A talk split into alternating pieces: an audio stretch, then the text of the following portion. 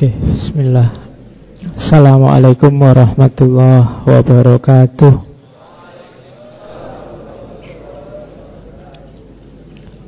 Bismillahirrahmanirrahim. Alhamdulillahi rabbil alamin. Wa bihi nasta'inu ala umurid dunya waddin. Allahumma salli wa sallim wa barik ala habibina wa syafi'ina Sayyidina wa maulana Muhammadin Wa ala alihi wa ashabihi Wa man tabi'ahum bi ihsanin ila yaumiddin. Bismillah Mari kita lanjutkan ngaji kita. Masih ada di Yunani Malam ini kita bertemu beliau Pitagoras Mungkin teman-teman pernah dengar nama ini? Atau setidaknya kata ini? Dulu waktu sekolah.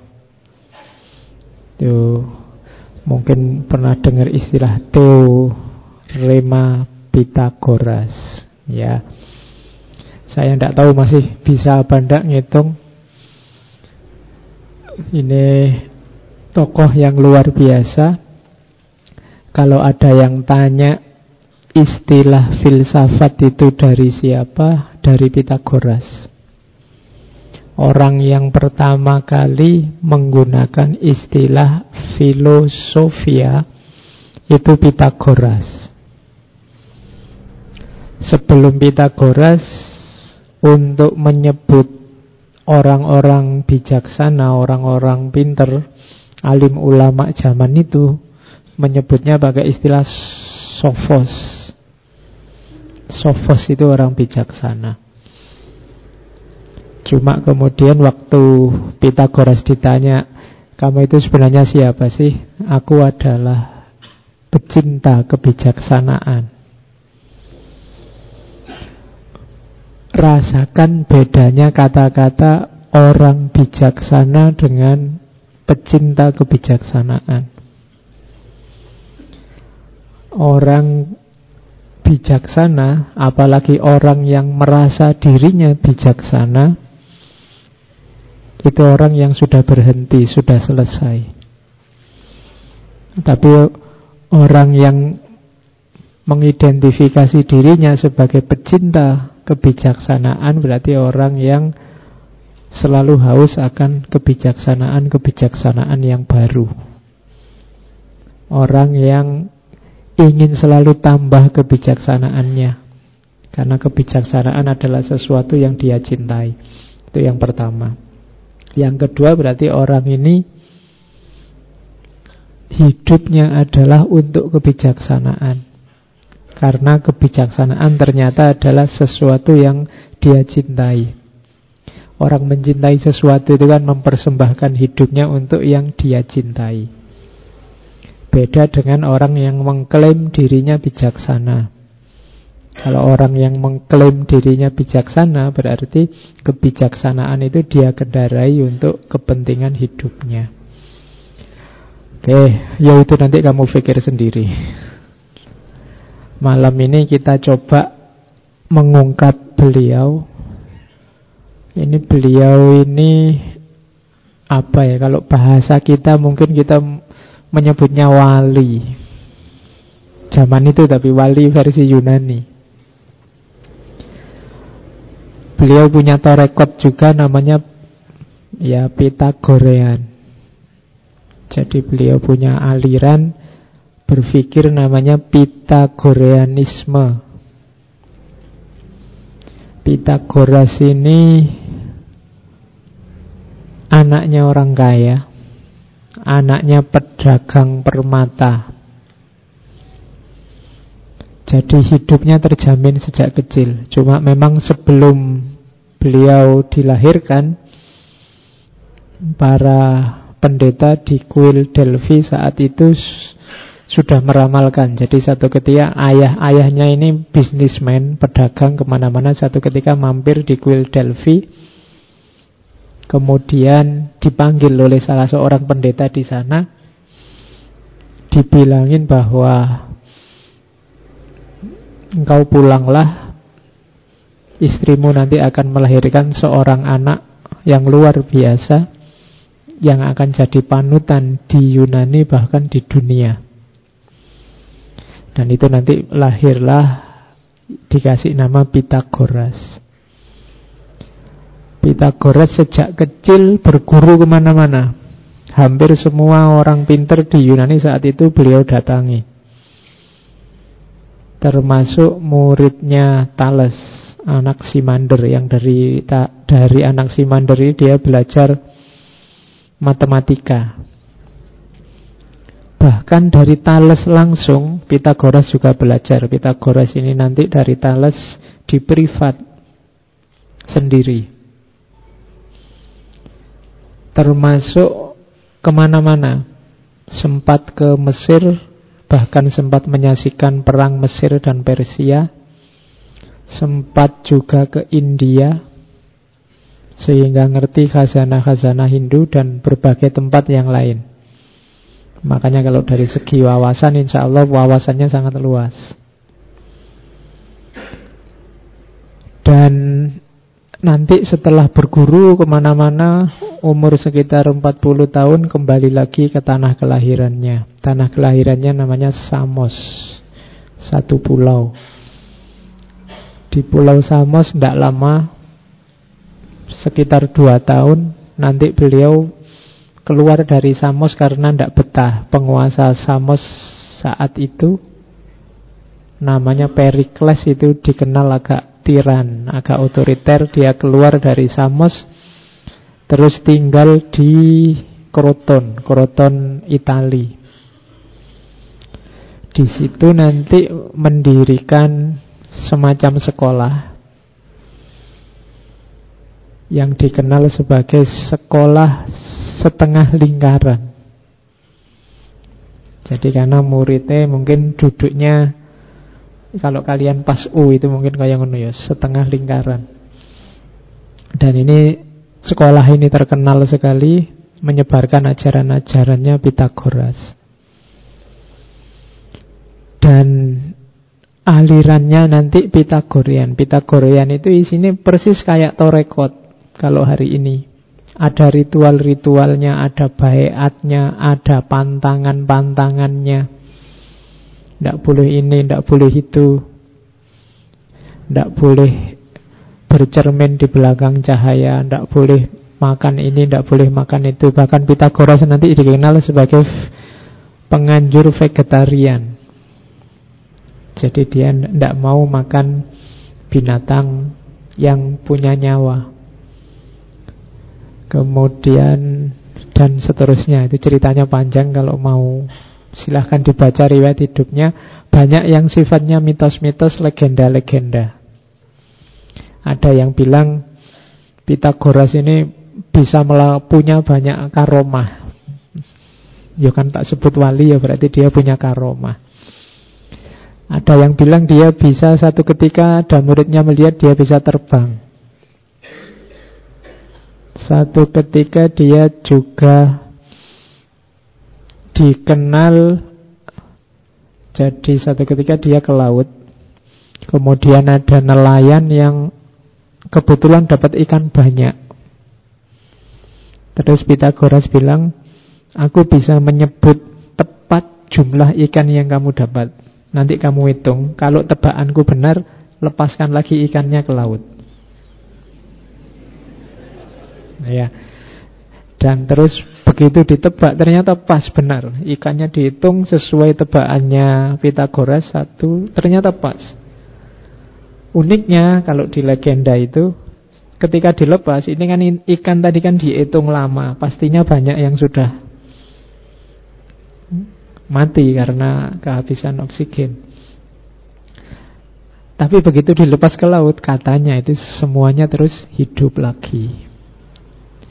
Jadi silahkan nanti ada beberapa referensi yang bercerita tentang kehidupannya Pitagoras dan mitos-mitos legenda-legenda tentang beliau. Pitagoras ini menikah, tidak kayak Thales kemarin, cuma menikahnya umur 60. Iya. Iya, tidak apa-apa lah. Jadi tenang aja kamu yang jomblo ada Pitagoras sampai tua. Menikah umur 60, meninggalnya sekitar umur 80-an. Jadi menikmati hidup pernikahan hanya sekitar 20 tahun. Tapi beliau sempat punya anak 7. Ya. Ya, enggak apa-apa. Kalau laki-laki kan sampai mau meninggal juga masih bisa lah. Ya. Karena kabarnya pasangannya itu ya santrinya sendiri masih sangat muda. Yalah, ada wali karomah ya santri, dia punya santri banyak perempuan. Kalau di beberapa gambar itu dia santrinya banyak yang perempuan. Oke, jadi itu kisah hidup seorang Pitagoras. Ada lukisan yang saya temukan tidak sengaja tentang di antara ritualnya kelompok yang namanya Pitagoreanisme. Jadi ini unik, Pitagoreanisme ini menggabungkan sains, matematika, dan mistik. Itu gabungan yang agak susah. Hari ini orang modern kan misah-misah. Sains itu yang pakai akal, rasio, empiris. Sementara yang mistik ini pakai rasa, dimensi batin. Pitagoras bisa menggabungkan dua-duanya. Jadi karena memang dia seorang ahli filsafat. Ini kalau kalau di Al-Farabi kayak orang menempuh jalan mistik tapi lewat jalur akal. Jadi ternyata mendaki jalan menuju Tuhan itu tidak selalu harus pakai kalau bahasanya Ghazali kolep pakai batin, tapi ada juga yang mendaki jalan spiritual pakai jalur akal. Meskipun mungkin agak lebih berat. Jadi Nanti yang agak tragis kalau dicerita-cerita Pitagoras itu meninggalnya. Jadi dia ini banyak musuh. Alirannya sering diincar orang, dianggap aliran sesat oleh pemerintah zaman itu. Sampai kemudian diserbu padepokannya, dibakar termasuk murid-murid yang ada di dalamnya. Ada yang bilang Pitagoras juga ikut terbakar, ada yang bilang Pitagoras selamat. Waktu pembakaran itu. Tapi kemudian karena saking sedihnya melihat nasib murid-muridnya terus bunuh diri, ada yang bilang begitu. Tapi ada yang bilang tidak Pitagoras ini lari. Cuma begitu dia lari, kok yon larinya ini dikejar-kejar pas kebun kacang. Nah, Pitagoras ini punya pantangan. Dia tidak boleh dekat-dekat sama kacang. Kok ya lari neng kebun kacang, akhirnya dia tidak berani jalan terus. Akhirnya tertangkap dan dieksekusi di tempat. Ada cerita begitu, tapi ceritanya macam-macam. Yang jelas kalau pakai bahasa kita mungkin dia ini seorang martir yang meninggal memperjuangkan keyakinan kebenarannya. Oke. Jadi itu malam ini kita lihat gagasan-gagasan beliau meskipun pasti tidak semua. Karena luas sekali dan di beberapa tempat agak rumit karena matematika. Itu yang saya tidak bisa menjelaskan langsung karena daripada kalian tambah ngantuk nanti. Oke. Saya buka dengan ini. Pitagoras itu ini rasanya kayak pernyataan agak meninggikan diri tapi sebenarnya maksudnya tidak begitu. There are men of God. There are men and God and being like Pythagoras. Jadi di dunia ini ada tiga hal. Yang pertama manusia, yang kedua Tuhan, dan yang ketiga Pitagoras. Ya. Jadi ini kamu jangan salah paham. Ini bisa rasanya sombong tapi bisa juga tawaduk. Itu orang sering mengartikan ini sebagai sombong karena berarti Pitagoras itu levelnya sudah bukan manusia lagi. Dia ada di antara manusia dan Tuhan. Tapi bisa juga ini tawadu. Kayak kalau kita bilang, ah aku disebut manusia aja mungkin masih belum. Masih banyak hal yang aku belum bisa. Nah, jadi tergantung sekarang kacamatamu. Kamu mau khusnudhan apa suudhan pada Pitagoras. Jadi berita itu sering semacam ini. Yang membunyikan berita itu kan kita, yang membunyikan proposisi itu kan kita. Dia bunyinya jadi apa itu sebenarnya lebih banyak tergantung isi kepala kita. Sama persis kayak kalimatnya Pythagoras ini. There are men and gods and being like Pythagoras. Di dunia ini hanya ada tiga hal, manusia, Tuhan, dan makhluk seperti Pythagoras. Oke, ini untuk menunjukkan pada santri-santrinya bahwa aku ini beda sama yang lain, tidak sama. Oke, ini yang paling terkenal dari Pitagoras ideologi pandangan bahwa number is rules of the universe. Hakikatnya alam semesta itu angka. Ini kan unik. Kamu selama ini menganggap matematika itu kan sesuatu yang tidak ada hubungannya sama sekali dengan dunia mistik apalagi filsafat yang dalam. Katanya Pitagoras tidak. Matematika itu adalah hakikatnya hidup. Alam semesta ini oleh Allah diciptakan dengan rumus-rumus yang pasti. Kalau hari ini mungkin kita menyebutnya sunnatullah. Dan dasarnya sunnatullah itu harmoni. Harmoni itu pasti matematika. Nanti Pitagoras ini juga nanti dikenal juga sebagai ahli musik. Ada cerita satu ketika ada anak muda yang nafsunya meledak-ledak. Nafsu syahwatnya Kayak kalian mungkin habis nonton video yang kamu download itu. Iya. Terus anak muda ini didekati oleh Pitagoras, terus Pitagoras bernyanyi. Jadi mendengarkan lagunya Pitagoras nafsunya langsung turun. Ya, boleh kamu coba. Ya, nanti kalau ada temanmu lagi bernafsu kamu nyanyi. Nanti kan nafsunya hilang ganti marah. Oke. Nah, dunia ini hakikatnya adalah angka-angka. Angka-angka itu berarti harmoni-harmoni. Kalau pakai bahasa kita itu sunnatullah. Jadi semesta ini diciptakan kalau bahasa di situ dengan perbandingan-perbandingan dengan harmoni. Ada panas, ada dingin. Ada, itu kan harmoni-harmoni. Ini kan kalkulasi-kalkulasi matematis. Musik kan juga begitu, notasi-notasinya harmonis. Jadi hakikatnya alam justru harmonis. Allah itu membuat sunnatullah untuk dunia ini biar seimbang, harmonis. Dan ngomong harmoni itu kan ngomong hitungan-hitungan. Perbandingan-perbandingan. Begitu harmonimu kacau, kalau manusia secara fisik mungkin dia sakit. Kalau alam ya mungkin kadang ada bencana, kadang ada itu.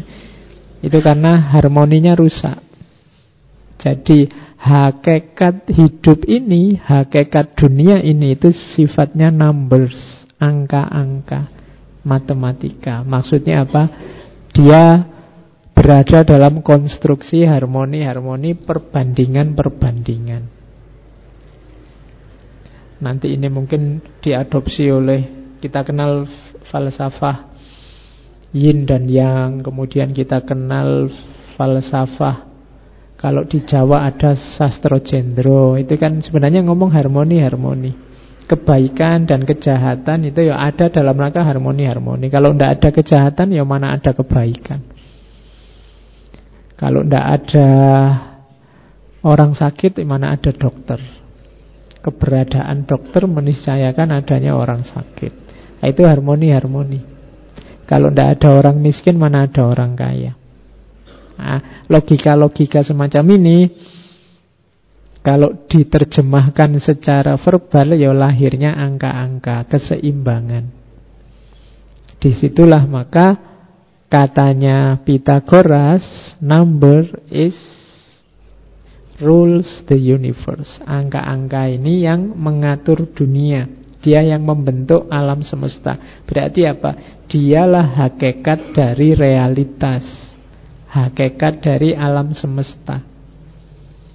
Tidak ada satupun hal makna keduanya yang tidak bisa dikenai angka-angka. Laptop ini jumlahnya berapa? Kamu akan menyebutnya angka.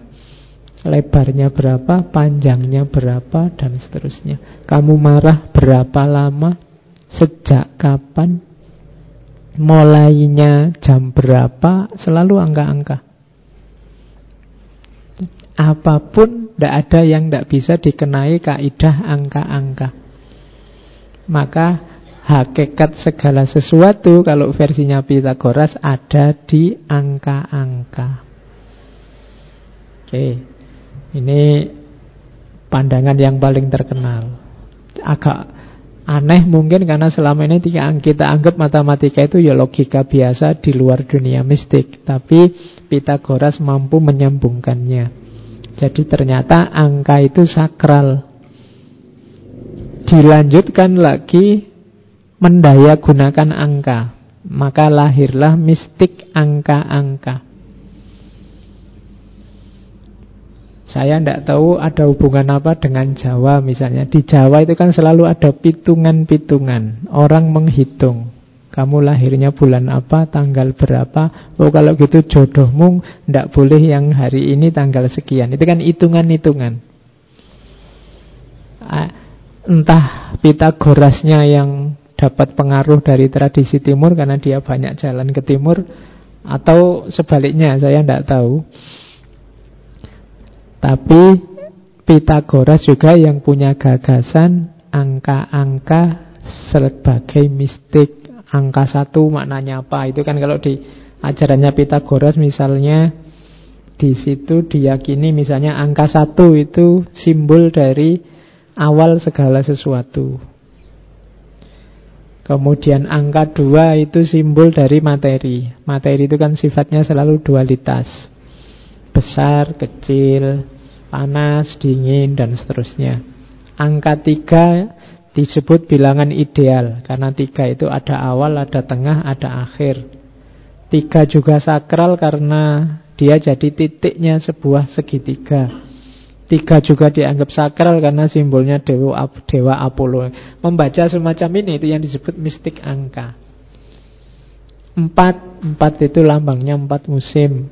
Tujuh, tujuh itu jumlah planet. Saat itu orang ngertinya jumlah planet masih tujuh. Jumlah dawainya Lira. Kemudian ulang tahunnya Dewa Apollo dan macam Ini namanya mistik angka. Jadi angka ternyata ada maknanya. Yang akrab dengan tradisi saya tidak tahu ini tradisi Islam apa tradisi. Yang jelas tradisi mistik Mungkin teman-teman pernah dengar istilah raja. Raja itu kan tulisannya angka-angka.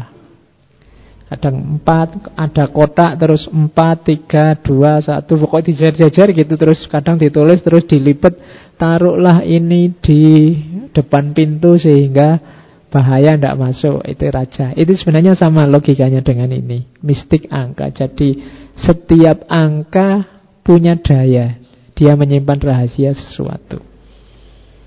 Oke, yo. Mungkin menurutmu sekarang ala pak, yo angka kan ya sekedar angka. Yo level kita memang belum nyampe ke sana.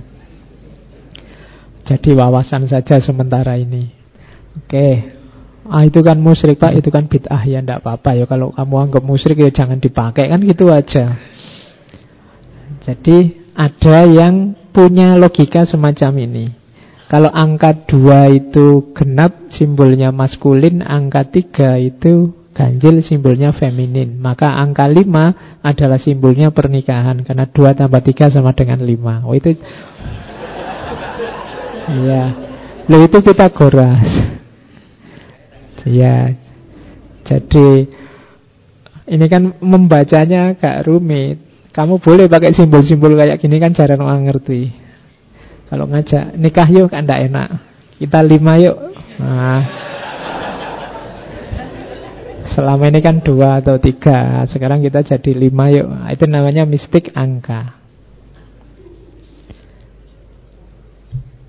Dan puncaknya kan ini mistik angkanya Pitagoreanisme. Jadi namanya tetraktis. Tetraktis itu 10. 10 itu kalau di Pitagoras merupakan bilangan sempurna. Jadi dan sangat dihormati oleh dianggap puncaknya. Karena 10 ini sudah merupakan setelah itu kan balik lagi ke satu-satu, satu-dua dan seterusnya. Nah, tetraktis ini struktur yang paling disukai dan dianggap paling sakral di dunia Pitagoreanisme. Dan ini dianggap simbolnya Pitagoreanisme. Dan nanti kalau mereka bersumpah, kalau kita kan wallahi, kalau mereka demi tetraktis. Jadi, jadi bahan sumpahnya. Jadi ini barang sakralnya mereka. Tapi itu nanti ada rahasianya karena dari situ nanti lahir pentagram namanya. Jadi itu mistik angka. Cuma kalau saya jelaskan panjang kamu paling ya bingung, geleng-geleng rahasianya di mana. Tapi yang jelas kamu ngerti dulu saja bahwa ini disakralkan oleh kelompok Pitagoras. Termasuk dalam geometri. Itu contohnya. Jadi mungkin matematika kamu belum nyampe situ. Jadi ini melambangkan unsur-unsur alam semesta oktahedron, tetrahedron, kubus, isokahedron yang masing-masing jadi simbol udara, api, tanah, air itu yang terakhir itu harusnya air. Balik. Jadi ini simbol geometri. Ini penjelasannya agak rumit. Kita loncat-loncati karena kita nanti tidak fokus di situ. Ini yang tadi saya sebut namanya pentagram. Pentagram itu bintang segi lima simbol ketidakterbatasan. Tidak terbatasnya di mana? Yaitu ada sudut segi lima, di dalamnya kan bisa digambar bintang. Di tengah bintang itu kan ada sudut segi lima lagi. Kamu bisa gambar bintang lagi sebenarnya di dalamnya. Kalau masih mau di dalam bintang yang kecil bisa kamu tambah terus, nggak ada akhirnya. Itu simbol bagi ketidakterbatasan. Kamu bisa gambar bintang sebanyak mungkin dari situ. Nah, itu simbol dari pentagram. Dan ukurannya, ukuran dari garis-garis di pentagram itu persis seperti golden ratio. Golden ratio itu rasio emas dari Pitagoras yang ukuran ini jadi dasarnya alam semesta. Tadi alam semesta kan perbandingan-perbandingan. Nah, ukuran perbandingan yang paling umum di alam semesta ini, ciptaannya Tuhan ini namanya golden ratio. Golden ratio itu 1 dibanding 1,618339398749895. Ya nanti coba kamu call nanti. Itu nanti yang itu yang disebut V. Ya.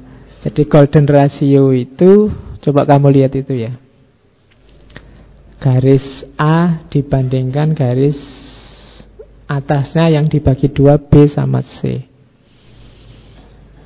Jadi A itu yang satu. Jadi Jadi C dibanding B.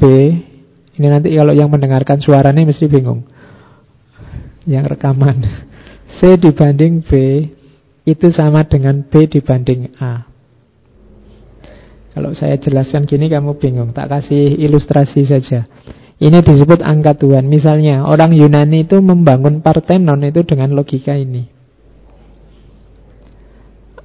Anggap saja yang bawah ya, yang besar itu. Kotak yang sebelah sini itu 1,6 sekian, yang kecil itu 1. Sama, kotak yang kecil di atasnya juga begitu. Jadi ini proporsi ketika membangun Partenon. Bagi yang belajar arsitektur, ini rumus ini pakem, golden ratio ini. Dan ini ada di banyak makhluk hidup. Hasil cermatannya Pitagoras, termasuk manusia. Ini contohnya banyak. Piramid Piramid itu juga menggunakan golden ratio. Termasuk ya nanti kamu belajar lagi manusia. Jadi manusia coba ya, pertama ujung jari sampai siku dengan pergelangan eh ujung jari sampai siku dengan pergelangan tangan sampai siku. Itu sama. Satu dibanding 1,6 tadi. Garis bahu sampai ujung kepala dengan panjang kepala juga sama. Satu banding 1,6 sekian tadi. Dari pusar, pusar ya bukan bawahnya, ya sampai kepala dengan bahu sampai kepala itu sama satu banding 1,6 sekian dari pusar sampai lutut dengan lutut sampai telapak kaki sama satu banding 1,6 sekian tinggi badanmu full dengan dari pusarmu sampai telapak kaki perbandingannya juga sama satu banding 1,6 sekian. Pundak sampai ujung jari dengan siku sampai ujung jari juga sama. Pinggang sampai kaki dengan lutut sampai kaki juga sama. Kalau tidak percaya boleh kamu hitung, kamu perbandingkan. Rasionya 1 banding 1,6 sekian tadi. Itu yang disebut rasio emas. Jadi ini rahasia angka tadi antara lain ketemunya di rasio emas.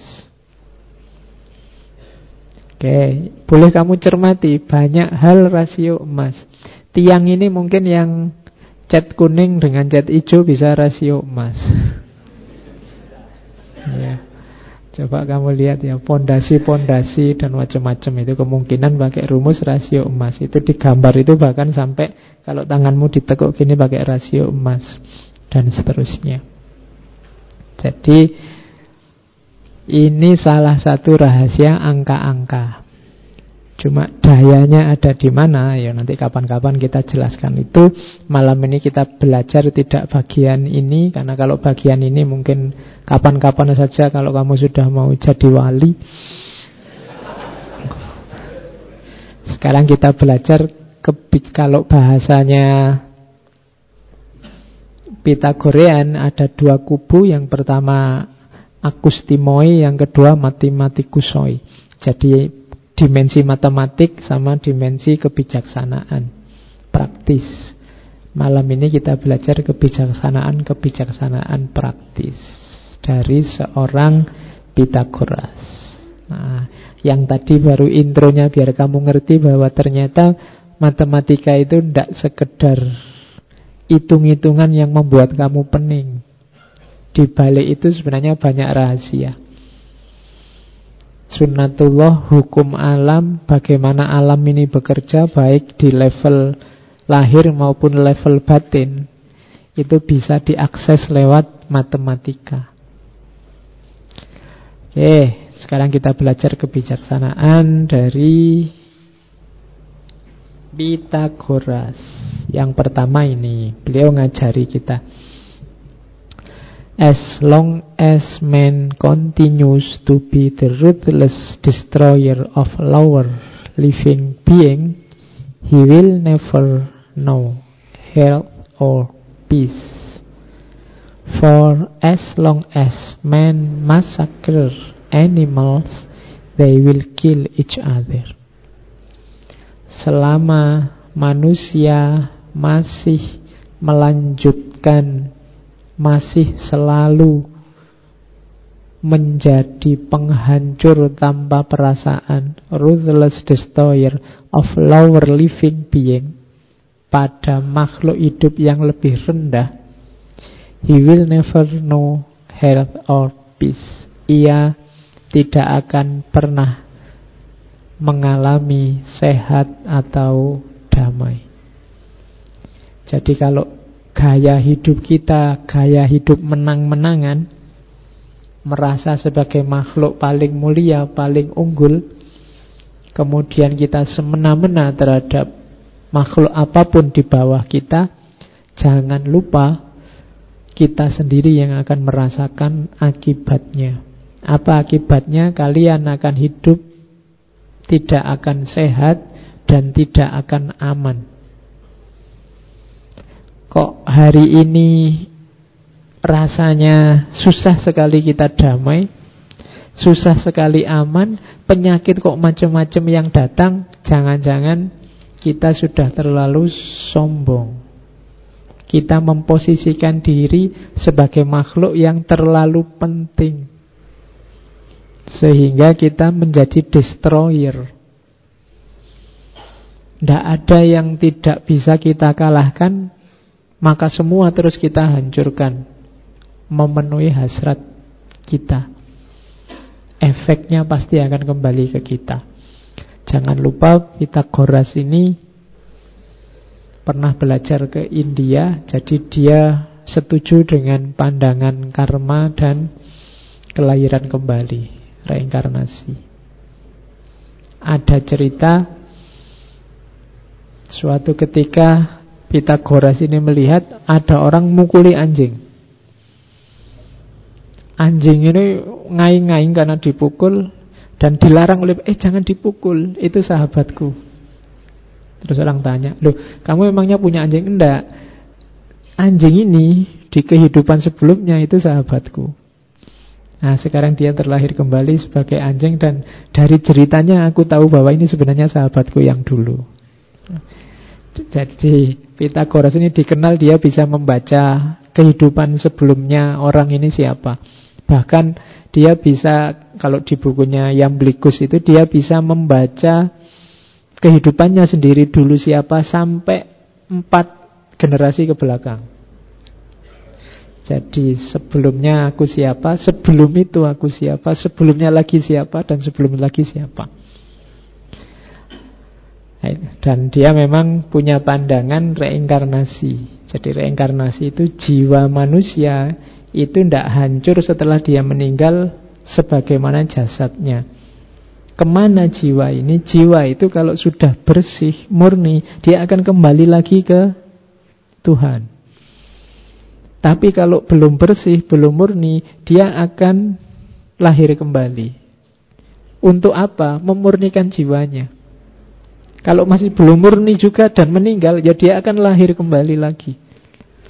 Terus sampai dia murni, benar dan kembali ke Tuhan. Nah itu ada pengaruh dari ajaran-ajaran waktu dia mungkin jalan-jalan ke India. Beberapa sufi juga punya pandangan seperti ini sebenarnya.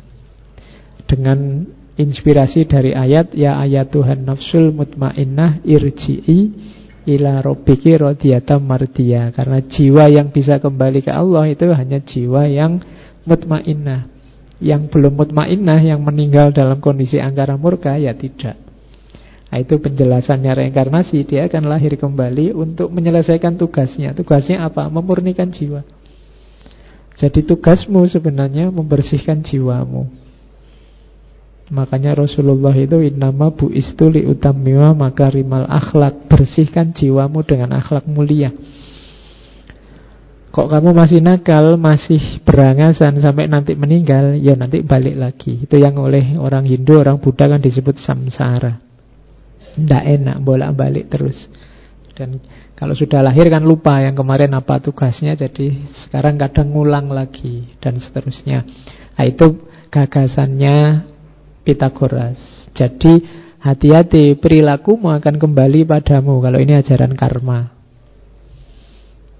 Maka kok hidup ini rasanya susah kita berbangsa ini kok rasanya berat hari ini. Jangan-jangan ada yang keliru dari kelakuan kita. Kalau kita menang-menangan atas semua makhluk yang lain, maka hidup kita juga tidak akan tenang. Di kalimat yang terakhir, selama manusia masih membantai binatang, dia juga akan tetap hidup dengan model saling bunuh antar manusia. Membantai itu, masaker itu ya membantai yang tidak ada gunanya. Bukan berarti, wah berarti tidak boleh motong ayam pak. Ya kalau butuh makan ayam ya makan saja. Tapi jangan tidak ada gunanya kamu bantai. Siapa yang suka iseng ayo kalau ada semut terus kamu bunuh semua di tembok itu lagi jalan-jalan kamu seruet itu terus Iya, wong semut itu kamu ketuk-ketuk aja misalnya di makananmu kalau sudah kamu goyang-goyang dia itu pengertian kalau biasanya pergi. Tapi kamu kan nggak puasanya itu. Biasanya kamu. Kamu kan kadang pelitnya luar biasa. Wong yo makanan sudah ndak dimakan aja kalau ada kucing mendekat kamu lempari. Mending kamu buang ke sampah daripada kamu berikan ke kucing. Itu kan sadisme kan sering di situ.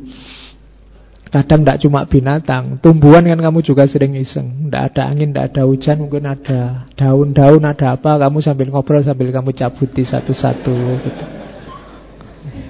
Nah ya, nah itu manusia sering begitu.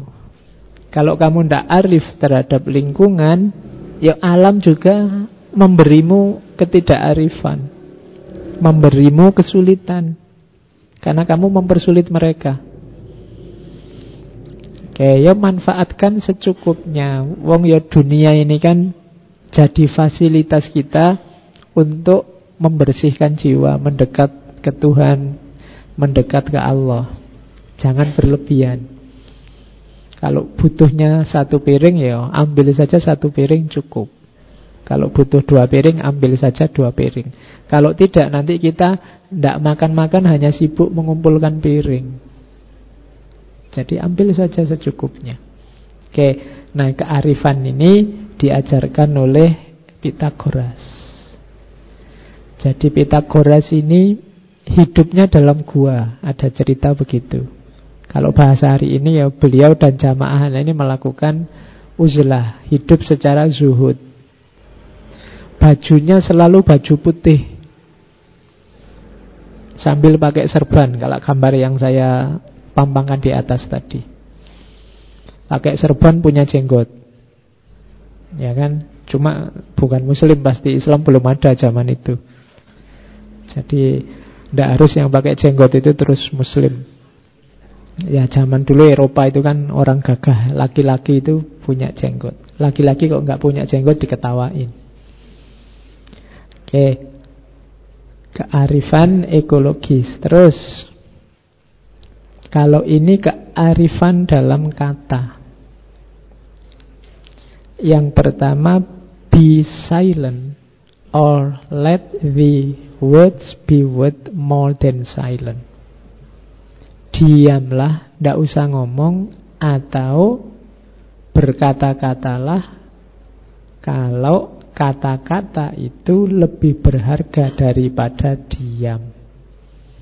Itu nasihat yang berharga dari Pitagoras. Jadi berarti apa? Modus dasarnya itu diam. Ngomong kalau perlu saja. Kalau tidak ada gunanya jangan bicara.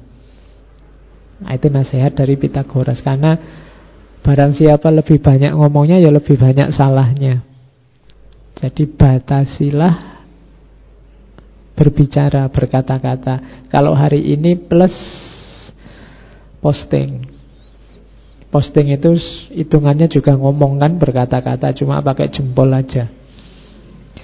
Ya, jadi itu kan kayak tanda-tanda kiamat itu tangan sudah bicara. Loh ya kan tangan bicara nanti sebentar lagi kata kaki yang bicara. Oke, kalau tangan kaki sudah bicara berarti sudah dekat dengan kiamat.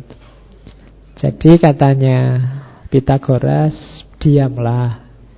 Kalau merasa ingin ngomong, pastikan yang kamu omongkan itu lebih berharga daripada diam.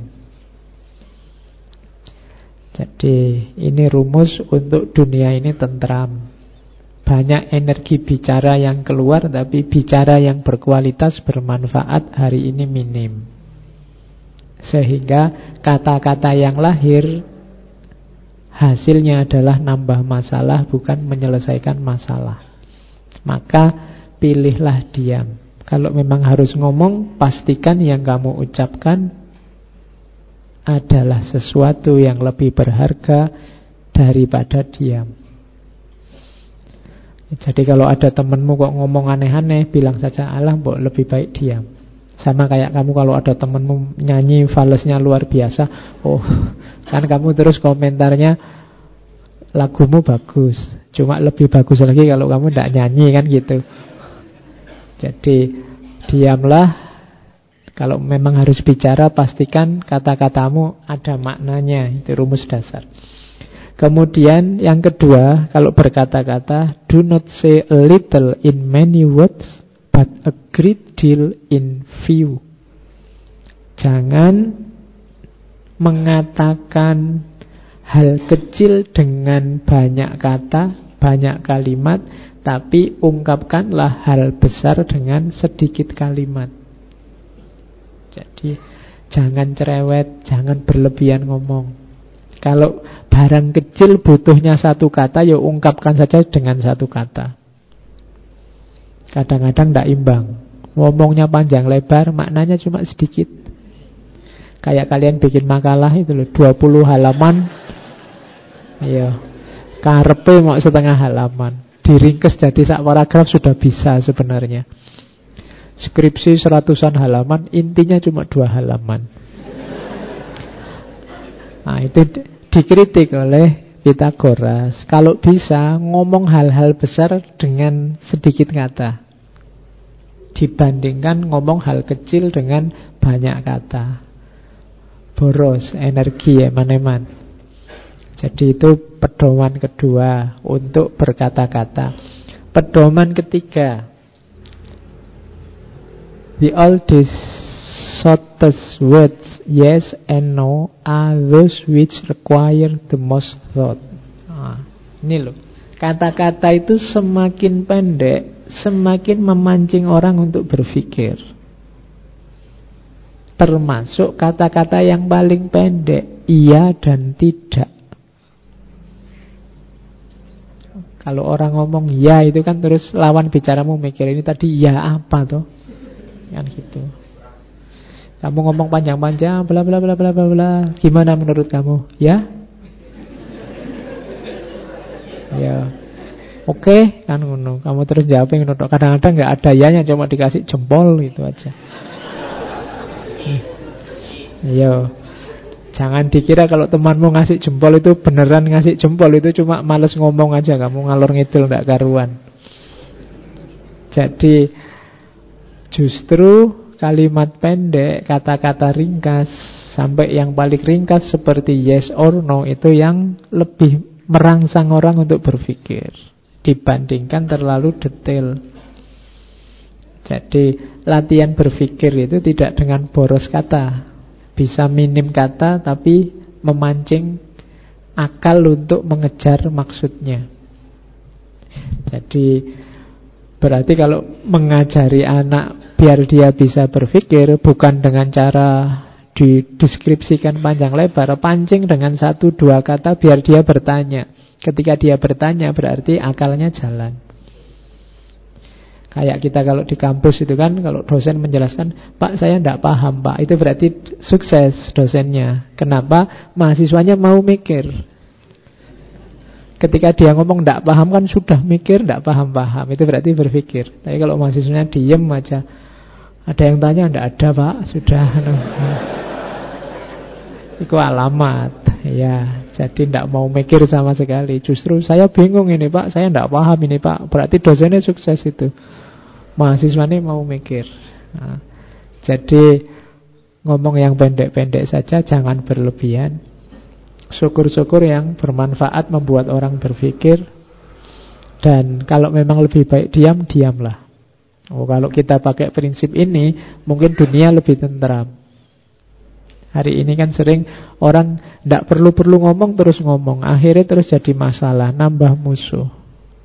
Nambah kubu baru dan macam-macam.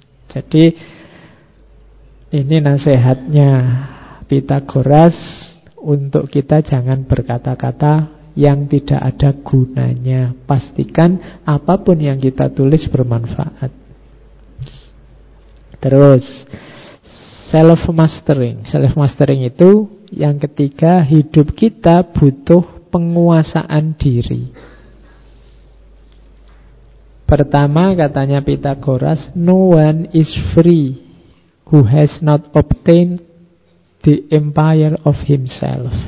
No man is free who cannot command himself. Tidak ada orang bebas yang tidak bisa menguasai dirinya. Dan tidak ada orang bebas yang tidak bisa memerintah dirinya. Kita kan tiap hari menyatakan saya ingin bebas pak, saya tidak mau terikat. Sebenarnya kunci orang bebas itu dua Kamu bisa menguasai dirimu dan bisa mengatur dirimu sendiri. Kalau tidak, tidak mungkin kamu bebas. Pasti kamu diatur. Wong kamu tidak bisa ngatur dirimu sendiri. Entah secara langsung, entah tidak. Jadi berarti kamu tidak bebas. Untuk bebas itu kamu bisa memerintah dirimu sendiri. Saya bebas kok pak Saya milih hari-hari ini Saya milih males saja Loh itu seolah-olah kamu coba kamu tanya, menurutmu antara males dan rajin bagus mana? Ya bagus rajin, Mbak. Oh berarti Kok kamu tidak bisa menyuruh dirimu rajin? Bisanya kok nyuruh yang malas berarti kamu kalah oleh dirimu sendiri. Jadi cirinya orang bebas itu orang yang bisa memerintah dirinya sendiri. Bisa menguasai dirinya sendiri. Orang yang tidak bisa merintah dirinya sendiri, tidak menguasai dirinya sendiri, jangan ngomong kebebasan. Kamu pasti tidak bebas. Kamu dikuasai oleh di luar dirimu. Kenapa? Karena kamu tidak bisa menguasai dirimu. Ketika orang tidak bisa menguasai dirinya kan yang di luar dirinya yang menguasai dirinya. Maka syarat untuk orang bisa disebut bebas itu menguasai diri dan bisa memerintah dirinya. Yang kedua, in anger we should refrain both from speech and action. Nah, untuk menguasai diri, kita harus menjauh dari yang namanya kemarahan. Kenapa? Marah ini sering membuat kita lepas kendali. Di beberapa kesempatan saya bicara pendapatnya Al-Kindi yang menyatakan kalau kamu sedang marah, kalau sedang berdiri duduklah. Kalau sedang duduk berbaringlah. Kalau sedang berbaring tiduranlah Intinya apa? Jangan melakukan apa-apa dulu. Kenapa kamu sedang marah? Pertimbanganmu sedang tidak jernih. Jadi nah Ini mirip kayak Petunjuknya Pitagoras We should refrain both from speak and action Jangan ngomong Pokoknya itu aja. Jangan ngomong, jangan melakukan sesuatu. Begitu kamu merasa marah, biasanya orang marah itu kan ingin melampiaskan. Berhenti dulu sebentar, break dulu sebentar. Anggap saja kamu marah sudah mau maki-maki, iklan dulu lewat sebentar. Nah, jadi tarik dulu, jangan ke susu dulu. Jadi karena kalau tidak begitu nanti jangan-jangan kata-kata yang keluar adalah kata-kata yang nanti kita sesali tindakan yang kita lakukan jangan-jangan kita sesali. Kalau marah nanti dulu. Kok kamu sedang berdua terus lagi ngobrol enak terus gegeran, nanti dulu. Jangan ngomong lagi, jangan bicara lagi, pulang dulu aja besok ketemu lagi. Kalau masih kangen ya berarti masih. Ya, jadi jalannya begitu. Jangan dipaksa. Biar kita apa? tidak rusak penguasaan dirinya. Jadi mundur dulu. Itu rumus kedua. Rumus ketiga. As soon as laws are necessary for men, they are no longer fit for freedom. Begitu orang butuh hukum, maka mereka tidak lagi cocok dengan kebebasan. Ini maksudnya apa? Begitu kamu tidak bisa diatur, orang butuh hukum itu kan orang yang tidak bisa diatur. Kalau orang itu tertib, bisa diatur, orang tidak butuh hukum. Wong sudah baik. Tapi hukum ada karena orang tidak bisa diatur. Kalau dirimu adalah orang yang butuh hukum, jadi baik karena patuh diatur oleh hukum, sebenarnya kita bukan orang yang bebas. Cirinya orang bebas berarti apa? Dia bisa mengatur dirinya sendiri, menguasai dirinya seperti yang di atas tadi. Kamu baik tidak karena hukum. Kamu tidak maling bukan karena takut di penjara. Kamu tidak ngerusak bukan karena takut dikasih sanksi, tapi karena memang kamu bisa menguasai dirimu dan kamu tahu maling merusak itu jelek dan tidak kamu lakukan. Ini namanya menguasai diri, bukan karena takut dihukum. Jadi orang yang butuh hukum berarti orang ini sebenarnya tidak bebas. Itu maksudnya itu. Jadi sampailah hidupmu di level kamu tidak butuh hukum. Bukan berarti anarkis. Kan bayangannya orang nanti kalau tidak ada hukum kuaco ini. Setiap orang sesuka hatinya sendiri. Loh kalau orang masih sesuka hatinya sendiri, ngerusak-ngerusak macam-macam berarti dia masih butuh hukum. Dia tidak bisa bebas. Orang bebas itu cirinya menguasai, bisa menata dirinya sendiri. Ya, jadi kita semua levelnya mungkin masih butuh hukum. Kalau sekarang saya bebaskan kamu bebas ngapain aja itu mungkin rusak besok pulang dari sini mungkin bisa Quran hilang jam tangan hilang kemudian anu hilang bisa HP hilang kita levelnya masih level butuh hukum Berarti apa? Jangan merasa kamu orang yang bebas. Kamu tidak bebas berarti. Karena begitu kamu butuh hukum, kamu ada di level tidak bebas. Okay. Choose always the way that seem the best, however rough it may be. Custom will soon render it easy and agreeable. Selalu pilihlah jalan yang terbaik Meskipun ini paling keras, paling susah Custom will surrender Ada tradisi kebiasaan Akan membuatnya segera jadi mudah dan dipahami Maksudnya apa? Hidup ini selalu ada pilihan-pilihan Ambil pilihan paling berat Paling susah memang tapi jangan khawatir, susah itu di awal. Kalau kamu biasakan, kamu tradisikan, dia akan mudah. Mudah untuk dijalankan. Agreeable, mudah untuk disetujui. Kadang-kadang jalan itu memang berat. Tapi ambil saja, tidak usah dipasrahkan ke orang lain. Ambil saja. Jangan kayak di film-film itu kan Ngaji itu berat, cukup aku saja ndak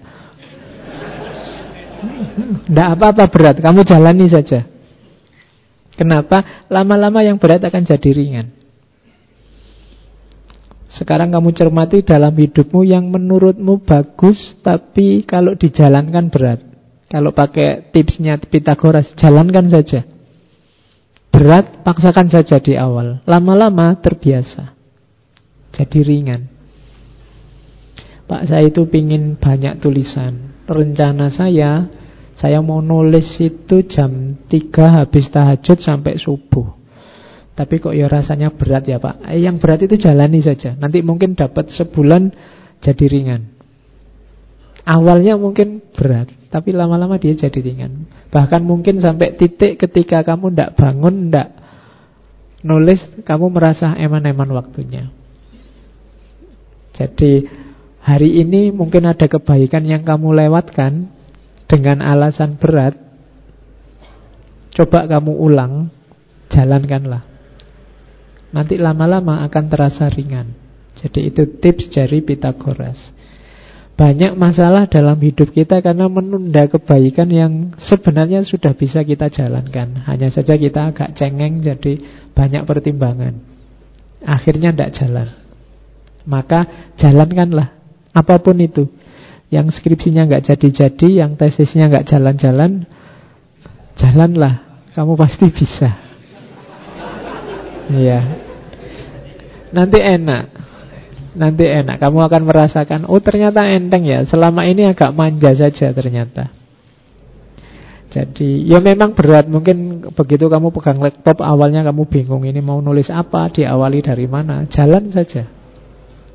Awalnya mungkin dapat satu baris Setiap kali ada laptop. Mungkin besok jadi dua baris.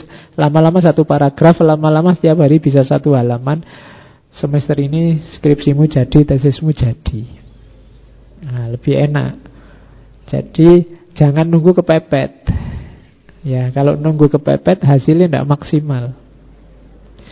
Jadi apa pun itu target-targetmu yang baik-baik, kamu mulai saja. Berat mungkin tapi lama-lama biasa.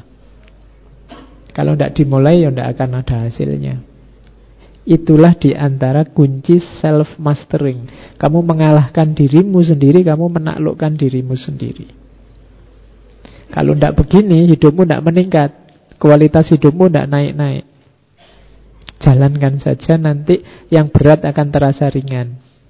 Ada namanya the law of attraction. Law of attraction itu kalau kebaikan yang kamu lakukan mungkin awalnya berat, belakangan akan terasa ringan karena alam semesta sekelilingmu akan membantumu dengan segala fasilitasnya. Kapan-kapan nanti kita bahas itu.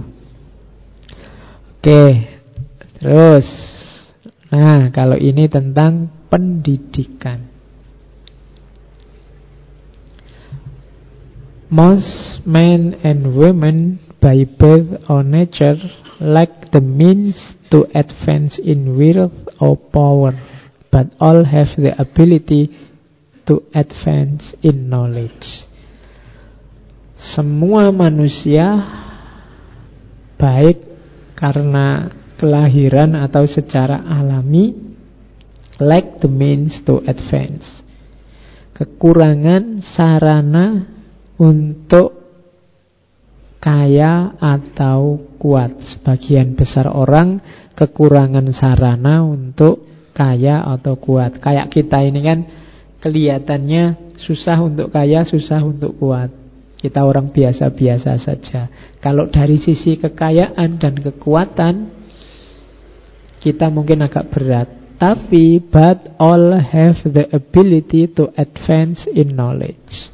Semua orang punya kapasitas, punya kemampuan yang sama untuk berkembang dalam pengetahuan. Jadi, mungkin dalam hal kekayaan atau kekuasaan kita ini tidak ada apa-apanya. Ada orang tertentu yang kuat di situ. Tapi semua orang oleh Allah diberi fasilitas yang sama untuk berkembang dalam pengetahuan. Tidak ada yang didiskriminasi oleh Allah. Semuanya punya kapasitas, punya intelijensi untuk berilmu.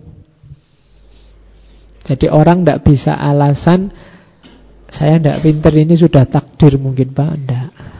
Kemungkinan kalau tidak pinter kamu tidak tekun aja. Fasilitasnya sama, semua orang sama. Tapi kalau tidak kaya, tidak punya kuasa, bisa. Karena tidak semua orang bakat kaya Kadang-kadang kaya itu kan ada unsur bakatnya juga Kayak saya ini mungkin tidak terlalu bakat Kalian juga dari wajahnya juga tidak terlalu bakat Nah, tapi kalau pengetahuan semua orang punya. Karena memang cirinya manusia itu berpikir. Berpikir itu nama lain berpengetahuan. Jadi jangan beralasan untuk belajar. Karena semua orang punya fasilitas yang sama. Entah sekolah, entah tidak sekolah, entah resmi, entah tidak resmi. Tetap semua orang harus belajar. Karena kita punya fasilitas yang sama. Allah itu ketika memberi fasilitas nanti kan dihisap, ditanya fasilitas yang kuberikan kamu pakai untuk apa? Diberi akal, diberi intelijensi, kamu gunakan untuk apa? Eh, yang pertama itu. Yang kedua, educate the children and it won't be necessary to punish the man. Didiklah anak-anak anak kecil, maka nantinya kita tidak perlu lagi menghukum orang dewasa. Kenapa? Ya kalau kita didik sejak kecil, berarti nanti dia jadi orang yang beres, orang yang benar. Berarti apa? Tidak perlu lagi nanti kita hukum, dia sudah baik yang pendidikannya beres biasanya tidak perlu lagi kita hukum. Jadi educate the children and it would be necessary to punish the man. Didilah anak-anakmu dan nantinya kamu tidak perlu lagi butuh hukuman untuk mereka karena mereka sudah terdidik. Kalau ini sederhana. Yang terakhir tentang pendidikan, a man is never a big as when he is on his knees to help a child. Orang dewasa itu tidak pernah lebih besar dibandingkan ketika dia berlutut untuk membantu anak kecil. Ini bisa simbolis, bisa letterlet. Simbolis berarti orang itu justru dia jadi besar kalau merendah. Letterlet berarti orang dewasa itu justru kebesarannya terletak saat dia membantu anak-anak. Ini dua-duanya bisa. Jadi intinya justru kemuliaan, kebesaran itu ada ketika kita merendahkan diri. Untuk, ya kalau orang tua berarti membantu mendidik anak-anak. Jadi itu pandangan-pandangannya Pitagoras tentang pendidikan. Oke, itu potongan-potongan pandangan. Sekarang kita ngaji sebentar ayat-ayat Pitagoras. Jadi ada satu naskah yang judulnya kata banyak orang ini peninggalan Pitagoras. Terus disebut Pitagoras Golden Verses Ayat-ayat emas Pitagoras Ada kata emas saya ingat tulisannya Aristoteles tentang Pitagoras Di antara karomahnya Pitagoras Itu satu ketika di arena olimpiade Pitagoras ini membuka kakinya jadi kakinya ditunjukkan ke orang banyak dan orang melihatnya kakinya Pitagoras itu berkilau, kayak terbuat dari emas. Jadi itu di antara keajaiban yang dilakukan oleh seorang Pitagoras. Oke, cuma ini bukan itu. Ini Golden Verses. Golden Verses isinya 71 ayat. Hanya saja tidak mungkin saya baca 71 dijelaskan satu-satu Nanti kamu cari sendiri Saya bawa potongan-potongan beberapa Ayat-ayat Pitagoras Oke Diawali dengan Itu bukan bismillah ya Ya Meskipun kalimatnya bisa ke sana Pertama Sembahlah Tuhan Sebagaimana telah ada dan ditetapkan dalam hukum. Sembahlah Tuhan. Jadi ya dalam hukum itu maksudnya sesuai aturan, kalau bahasa kita sesuai syariatnya. Jadi ayat Pitagoras dibuka dengan sembahlah Tuhan. Bismillahirrohmanirrohim Mungkin itu kalau kita sekarang hari ini Oke, 234 saya loncati tentang ketuhanan sebenarnya saya awali dari lima. Katanya Pitagoras, Ini pesan di antara semua manusia jadikanlah sahabat mereka yang menegaskan dirinya dengan kebajikan. Jadi ini tentang mencari teman. Selalu dengarkan nasihat-nasihat mereka dan ambil teladan dari kebajikan dan tindakan bermanfaat mereka. Cari teman yang tegas kebaikannya yang jelas baik. Karena apa? Teman itu mempengaruhimu. Mungkin tidak kata-kata, mungkin tidak tindakannya, tapi auranya mempengaruhimu. Paling tidak. Kalau berteman dengan orang yang keras, kasar, sedikit banyak kalian akan terpengaruh. Berteman dengan orang yang lemah lembut, bukan lemah gemulai ya. Ya kamu akan terpengaruh lemah lembut. Kan kayak peribahasa itu. Kalau berteman dengan penjual parfum, kamu akan ikut wangi. Berteman dengan perokok, kamu akan bau asap rokok. Berteman dengan penjual apa? Yang tukang besi, ya, kamu juga akan ikut bau hangus, dan seterusnya. Jadi teman itu mempengaruhimu. Kalau di teori kayak di Hasrat Inayat Khan kemarin kan ada medan-medan energi setiap orang dengan medan energinya. Medan energi ini saling menelan. Kalau kamu jiwa yang kuat, kamu yang bisa mempengaruhi temanmu. Tapi kalau jiwamu lemah, kamu dipengaruhi oleh temanmu. Saya tidak tahu siapa yang mempengaruhi, siapa yang dipengaruhi. Cari yang aman saja ambil teman yang baik. Kalau punya teman yang baik, kamu akan dapat manfaat banyak. Nasihat-nasihatnya dan contoh teladan darinya. Makanya mungkin dulu orang tuamu waktu pesen kamu mau kuliah kan pesannya cari teman yang baik. Karena seseorang itu cerminan dari temannya cerminan dari jiwanya. Kamu kan kadang kalau punya teman tidak cocok dengan jiwamu kan tidak seret. Kalau kamu lembut, punya teman kasar itu kan kamu tidak kerasan. Dia tidak bisa jadi cerminmu. Yang bisa jadi cerminmu itu yang mirip kayak kamu. Kamu cerewet, kok punya teman pendiam. Ini dua-duanya mesti tidak kerasan. Yang satu sebel ini punya teman kok ngomong terus tidak diam-diam. Yang satu juga gelisah. Ini punya teman tidak ngomong-ngomong, jangan-jangan nggak suka sama. Ya kan? Frekuensinya beda.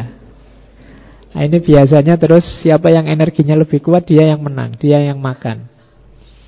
Jadi kalau yang energinya lebih kuat yang cerewet ya nanti lama-lama yang pendiam ini terpengaruh jadi cerewet. Tapi kalau yang kuat yang pendiam ini mungkin yang cerewet lama-lama juga jadi pendiam. Karena diajak ngomong gak respon-respon nah akhirnya menang kabeh. Jadi maka hati-hati cari teman. Jadi kalian adalah cerminan dari temanmu sebenarnya. Seperti apa temanmu, kira-kira tidak jauh di situlah kalian. Dan hindarilah sebanyak mungkin membenci temanmu karena kesalahan kecil. Kalau sudah punya teman, Manusia itu tidak ada yang sempurna. Kadang-kadang salah, kadang-kadang keliru. Tugasnya harusnya saling mengingatkan. Jangan Kalau temanmu salah kecil dikit aja Terus putus persahabatan kita. Aku benci, gak mau ketemu lagi. Tidak Jadi ya kalau kesalahan-kesalahan kecil Yang luaslah hatimu. Saudaramu itu kan juga manusia. Kadang bisa keliru, kadang bisa salah ngomong Salah langkah Masa sama temen aja salah ngomong dilaporkan polisi kan enggak. Ya, sekarang kan banyak begitu. Janganlah. Jadi kalau hanya kesalahan-kesalahan yang tidak esensial, maafkanlah, jangan dibenci. Nah, itu rumus hidup awal dari Pitagoras karena kunci kesuksesan nanti ada di sini. Makanya Pitagoras mendirikan brotherhood semacam torekot biar bisa bareng-bareng orang yang punya frekuensi sama. Biar lebih cepat. untuk mencapai ideal yang diinginkan. Terus yang kedua ini tentang hal lain lagi. Ini saya loncat-loncat karena kalau saya urut sampai 71 waktunya nggak nyampe. Ketahuilah semua hal seperti yang sudah aku sampaikan. Dan biasakan dirimu menaklukkan dan mengalahkan hal berikut. Kerakusan, kemalasan, nafsu, dan kemarahan. Jadi perhatikan empat hal ini. Empat hal ini adalah faktor yang paling banyak menaklukkan, mengalahkan dan menghancurkan orang.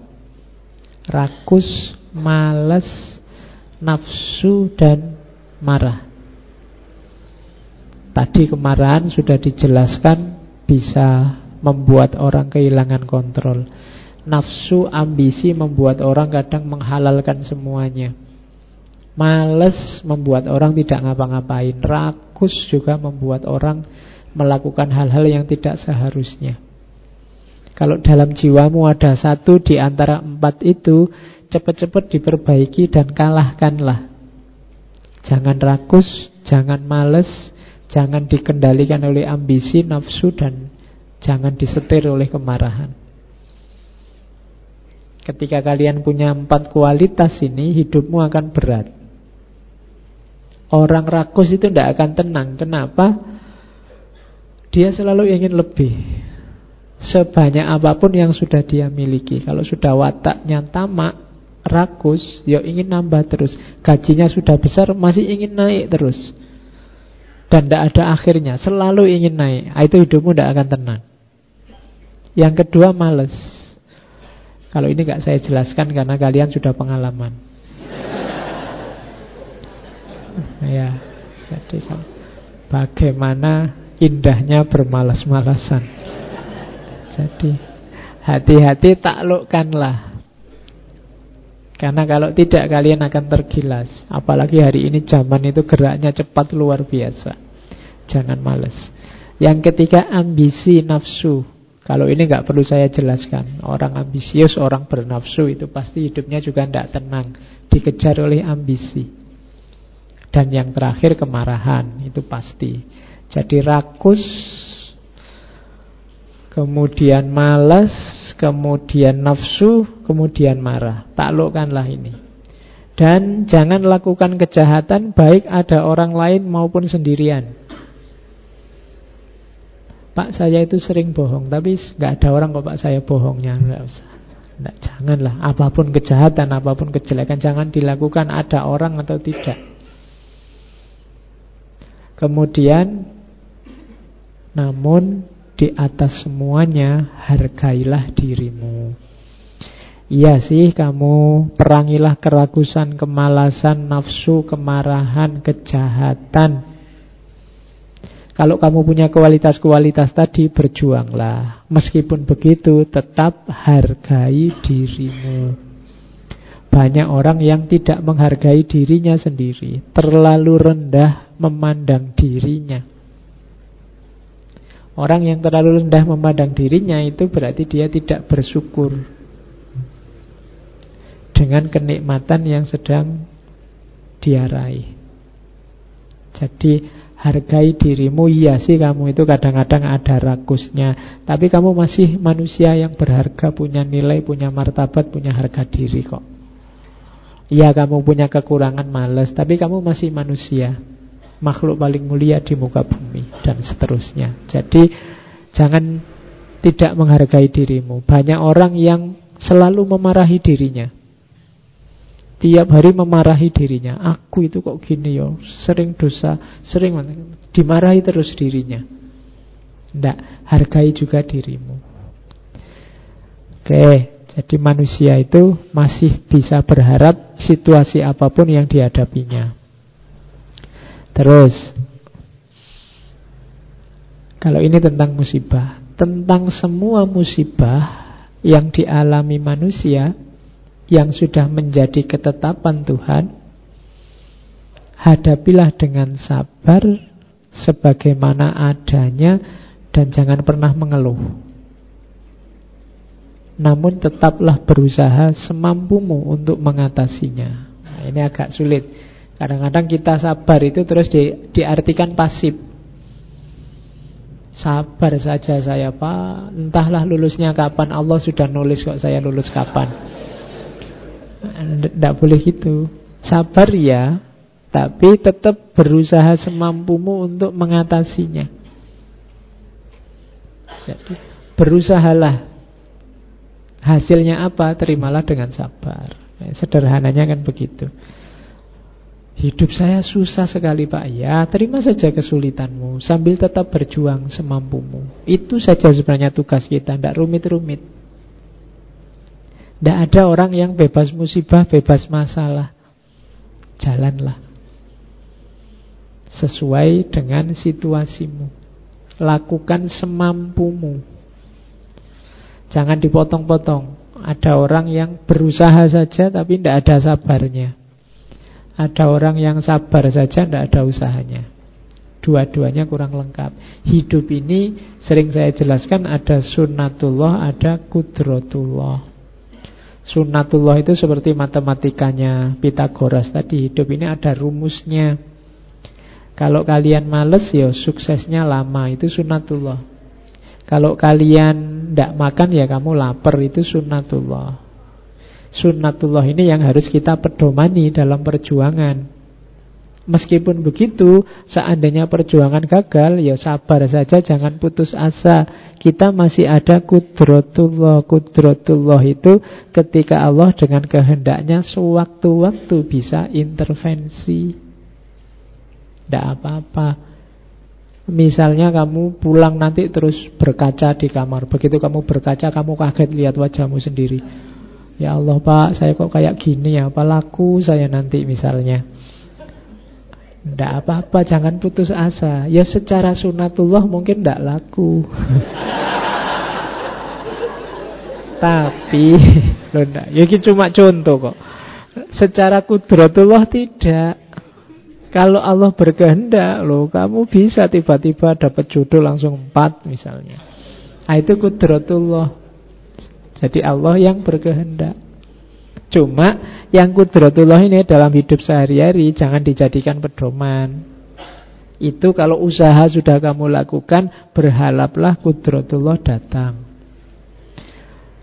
Misalnya saya sering mencontohkan kamu loncat dari Ambarukmo Plaza lantai paling atas itu secara sunatullah ya kamu tewas. Tapi secara kudratullah bisa tidak. Gitu loh. Misalnya pas kamu loncat kok tiba-tiba bareng di bawah ada truk yang bawa kasur rusak banyak itu terus plus pas di situ lu ndak jadi tewas. Nah itu kudratullah. Tapi yang kamu pedomani yang sunatullah Jangan kudratullah Nanti kamu Ah kalau nggak tewas juga ndak kok Kalau Allah nggak naktir juga ndak Terus kamu loncat Ya ndak Yang dipedomani yang sunatullah Meskipun nanti Seandainya hasilnya tidak seperti yang kamu harapkan Tidak apa-apa Allah bisa intervensi di situ gunanya doa. Makanya kita disuruh beriman itu pada kodok dan kodar. Kodok itu yang sunatullah tadi, yang kodar yang kudrotullah. Jadi sama seperti yang diucapkan oleh Pitagoras, meskipun Pitagoras tidak pakai ayat. Jadi isinya sama. Jadi tentang musibah sabarlah Kemudian tetap berusaha semampumu untuk mengatasinya. Karena sabar juga bisa jadi senjata.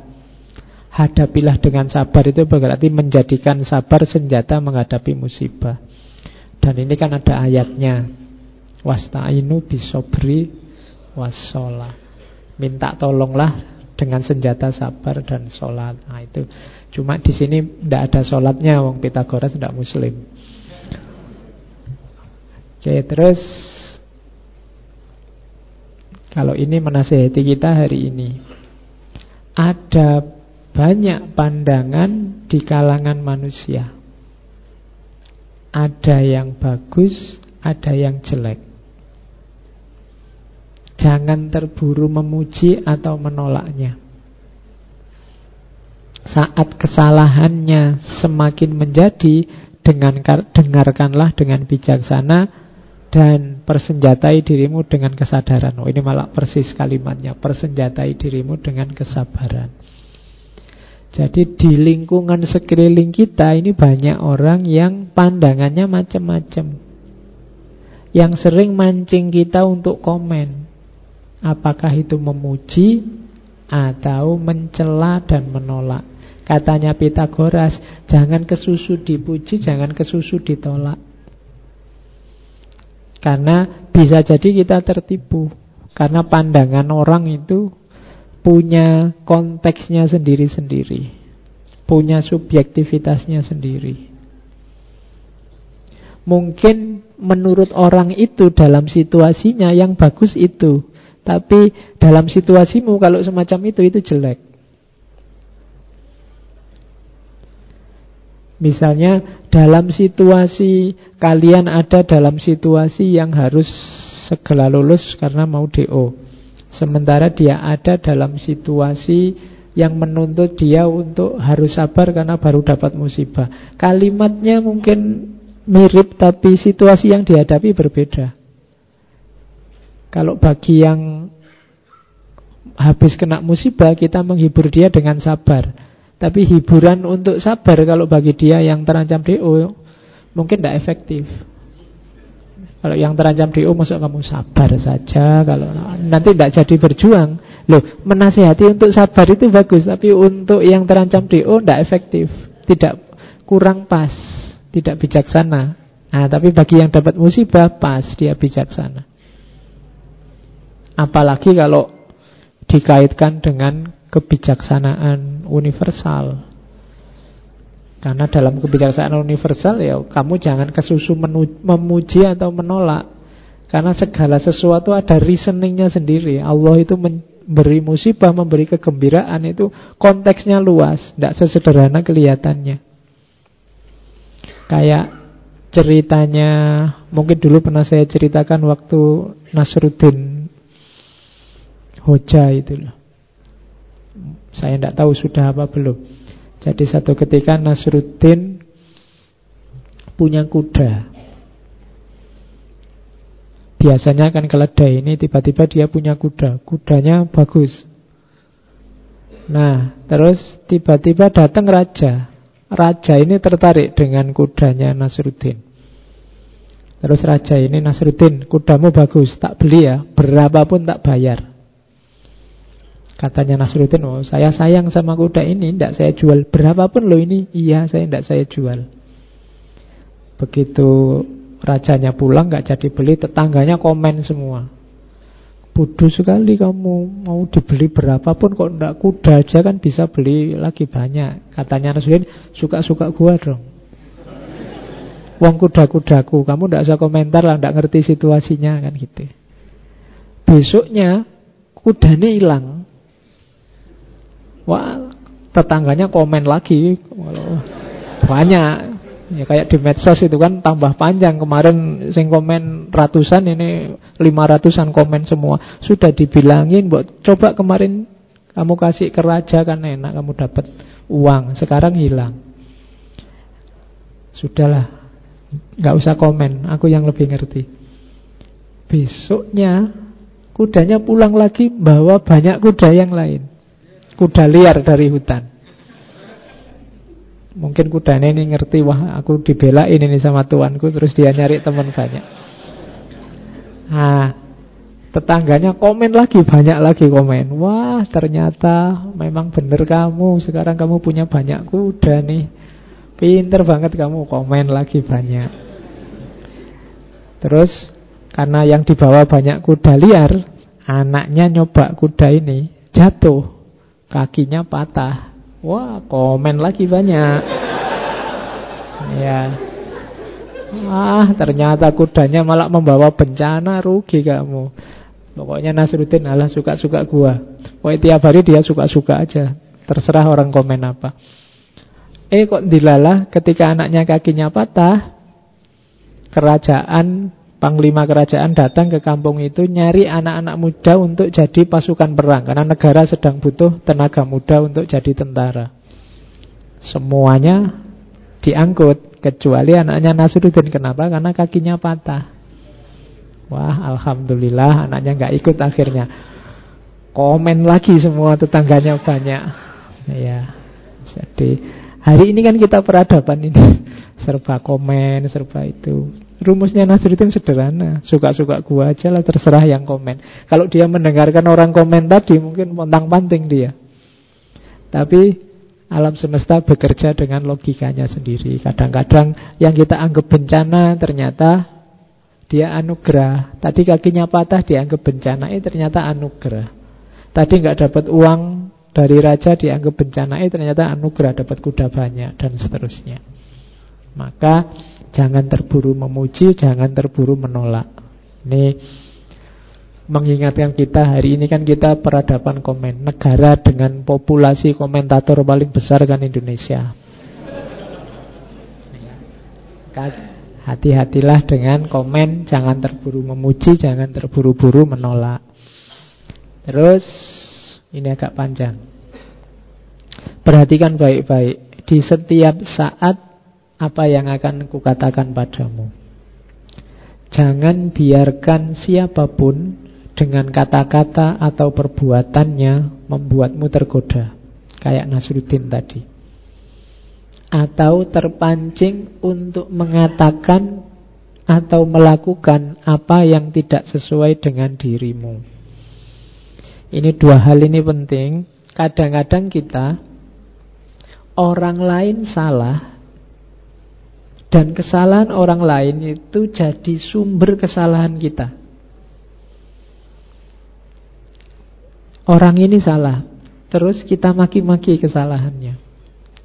Ini berarti apa? Kesalahannya dia jadi sumber kesalahan kita. Itu salah double namanya. Dan ini sering terjadi. Berarti apa? Kejelekan orang lain menggoda kita untuk melakukan kejelekan. Banyak terjadi seperti itu. Maka Pitagoras menasihati kita jangan biarkan siapa pun dengan kata-kata atau perbuatannya membuat kita tergoda, terpancing mengatakan atau melakukan yang tidak sesuai dengan dirimu. Dia punya situasi sendiri, kamu punya situasi sendiri. Jangan terpancing. Istiqomahlah dengan kebaikanmu. Kadang-kadang kita mengkritik orang yang mencaci maki dengan cara mencaci maki dia balik. Itu sama, kita berarti satu level dengan dia. Podo-podo tukang caci maki Kita mengkritik persekusi dengan melakukan persekusi Oke, terus tanyakan dan pertimbangkan sebelum bertindak Karena mungkin engkau melakukan tindakan yang bodoh Karena menyedihkan bagi seseorang untuk berbicara dan bertindak tanpa berpikir lakukan sesuatu yang tidak akan menyusahkanmu sesudahnya atau membuatmu menyesal. Kalau itu mudah dipahami. Yang nomor 30, jangan lakukan apa pun yang tidak kau pahami. Berarti apa? Melakukan sesuatu yang hanya ikut-ikutan. Jadi melakukan sesuatu yang kita tidak paham. Kenapa kok kamu ngaji? Tidak tahu teman-teman kalau malam kemis kok ke masjid yo sepi di kos-kosan wis aku. Nah, itu namanya melakukan sesuatu yang tidak kamu pahami. Pastikan kamu paham dengan apa pun yang kamu lakukan biar tidak menyesal. Pertimbangkan semua yang kamu putuskan sampai ke efeknya yang paling jauh. Dari situ pelajarilah semua yang kau ketahui dan dengan itu engkau akan hidup dengan sangat bahagia. Jadi ketahuilah apa yang mau kita lakukan dan pelajarilah apa yang perlu kita ketahui. Ini dua hal yang kelihatannya beda tapi sebenarnya saling nyambung. Kalau dipelajarilah semua yang perlu kau ketahui itu berarti apa? Carilah ilmu yang benar-benar manfaat Jangan hanya nyari ilmu, nyari wawasan Hanya untuk koleksi yang tidak berguna Cari ilmu yang benar-benar manfaat atau ambillah manfaat dari setiap ilmu yang kamu gali. Di situ nanti sumbernya kebahagiaan. Bahagia itu kan ketika idealmu cocok dengan kenyataannya. Ideal untuk cocok dengan kenyataan itu kita butuh ilmu. Maka Pelajarilah semua yang perlu kau tahu Maka dengan itu engkau akan hidup sangat bahagia Kalau ini fisik Jangan mengabaikan kesehatan tubuhmu Berikanlah makan dan minum sesuai ukurannya Dan latihlah tubuhmu sesuai kebutuhan Yang ku maksud ukuran adalah apa yang tidak akan membuatmu tidak nyaman Biasakan dirimu dengan jalan hidup yang tertib dan sederhana tanpa bermewahan. Hindari segala hal yang mengundang kecemburuan. Kalau ini mengelola fisik, kalau tadi kan mengelola batin. Yang ini fisik juga harus kita openi, kita perhatikan karena ini juga amanat dari Tuhan. Cuma kalau yang fisik-fisik penuhi sesuai ukurannya saja. Termasuk olahraga. Olahragalah sesuai kebutuhan saja. Kenapa yo? Jangan overdosis. Makan yang overdosis jelek. Olahraga yang overdosis juga jelek. Ndak olahraga jelek, apalagi ndak makan tambah jelek. Jadi penuhi secukupnya saja. Berlebihan jelek, kekurangan juga jelek. Jadi untuk yang fisik-fisik penuhi saja. Butuh sehari makan tiga kali, ya makanlah tiga kali. Kalau butuhnya cuma dua kali, saya tiga kali kebanyakan pak, cuma butuh dua kali saja, ya makanlah dua kali. Saya butuhnya cuma sekali kok pak, kenapa tidak cukup duitnya? Ya mau gimana lagi? Jadi penuhi secukupnya, jangan berlebihan. Karena kadang-kadang yang membuat kita terjebak di dunia materi itu ambisi kita untuk kenyamanan duniawi terlalu lebih. Jadi cita-citanya agak panjang. Jadi cita-cita pengen punya mobil, punya motor, punya rumah. Rumah pun gak sekedar punya rumah. Saya pengen punya rumah yang luasnya sekian Paling tidak tingkat tiga Kemudian nih, mobil juga tidak asal mobil Tapi mereknya ini Ketika kalian targetnya semakin detail-detail kecil ini Semakin sibuk kamu nanti dengan materi. Dan itu akan menyulitkan hidupmu sendiri. Biasakan hidup yang tertib dan sederhana Hidup yang nyaman itu yang sederhana tanpa bermewahan.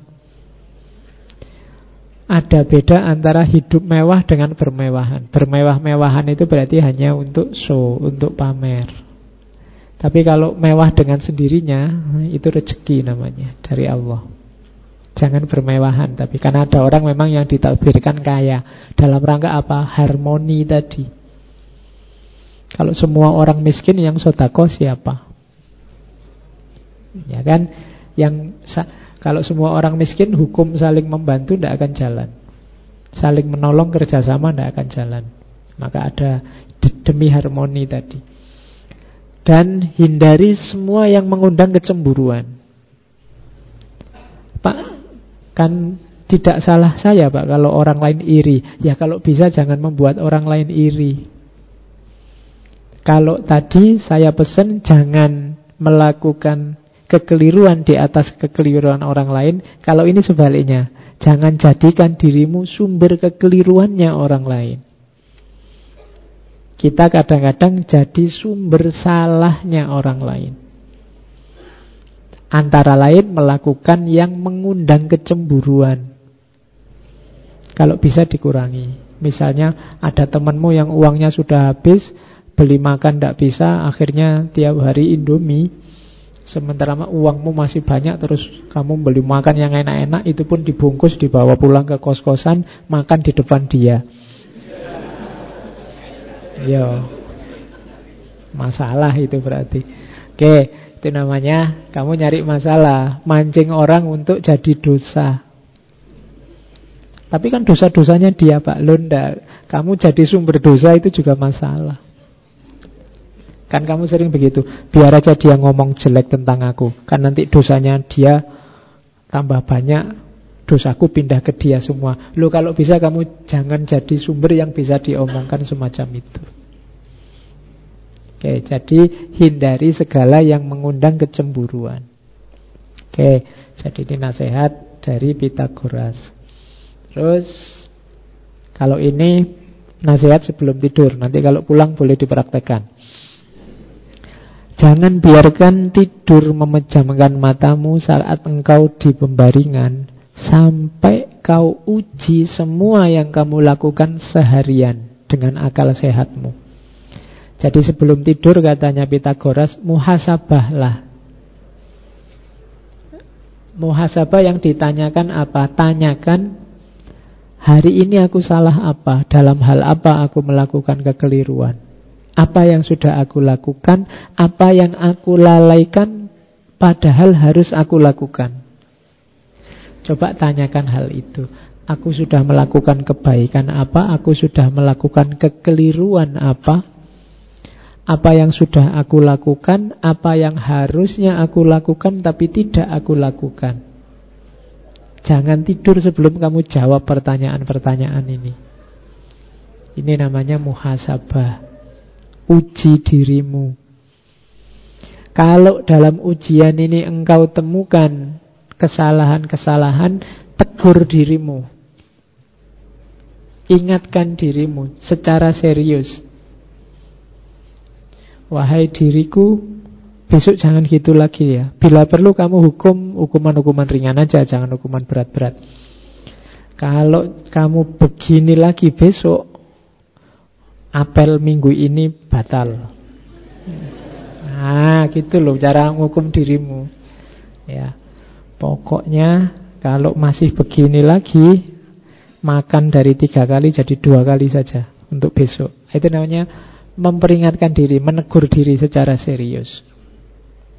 Jadi kalau ada salah, kalau ada yang bagus, yang wah harusnya biasa-biasa tapi kok hasilnya luar biasa, bergembiralah, beri reward dirimu juga tidak apa-apa. Alhamdulillah targetku terpenuhi bahkan lebih baik. Berarti minggu ini apelnya dua kali. ya, itu namanya menghargai diri. Jadi setelah muhasabah Kalau sudah ketemu jawabannya Terus Ada cerita tentang seorang wali yang Punya kebiasaan menulis dosa yang dilakukan dalam sehari Kamu boleh coba Nyaingi malaikat Rokib Atit Beli buku Bukan buku harian, tapi buku catatan dosa. Coba kamu latihan ya. Setiap kali kamu habis salah, tulisan. Nah, ada cerita tentang wali yang melakukan hal ini. Dalam rangka apa? Untuk muhasabah.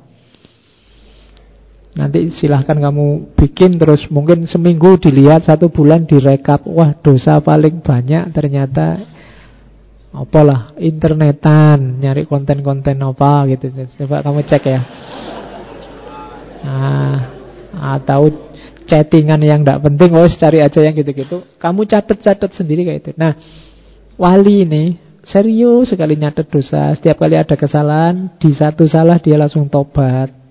Di hati-hati biar tidak mengulang lagi. Jadi satu ketika dia buka bukunya dan catatannya hilang semua. Ya, terus kemudian di cerita itu terus ada malaikat yang menyatakan padanya bahwa Allah sudah mengampuni seluruh dosamu karena kehati-hatianmu, keseriusanmu untuk tidak jatuh pada dosa selanjutnya yang sama. Nah, itu coba ya kamu latih itu, siapa tahu malaikatnya datang beneran.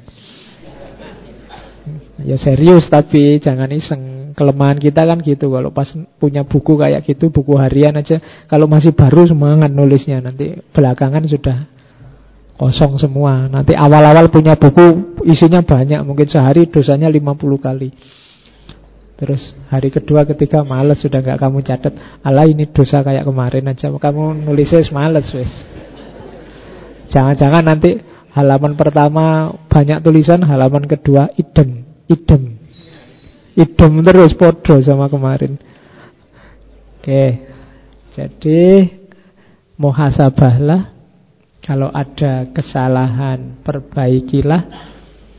Kalau diulang lagi bila perlu, kamu hukum dirimu sendiri ya hukum-hukuman yang ringan yang sebagai peringatan bagi jiwamu. Kalau ada kebaikan-kebaikan lebih, bergembiralah, kasih reward, tidak apa-apa. Nah, itu cara untuk meningkatkan kualitas hidup. Karena kalau tidak ya situasimu akan kayak hari ini terus. Ya seperti itu itu saja. Tidak naik kelas, tidak naik kualitas Apakah lahirnya maupun batinnya. Itu ayat-ayat Pitagoras. Ini dua ayat terakhir. Setelah engkau kehilangan tubuhmu yang fana Engkau akan tiba pada situasi paling murni. Engkau akan bersatu dengan Tuhan Abadi, tak berubah Dan kematian tak punya lagi kuasa atasmu.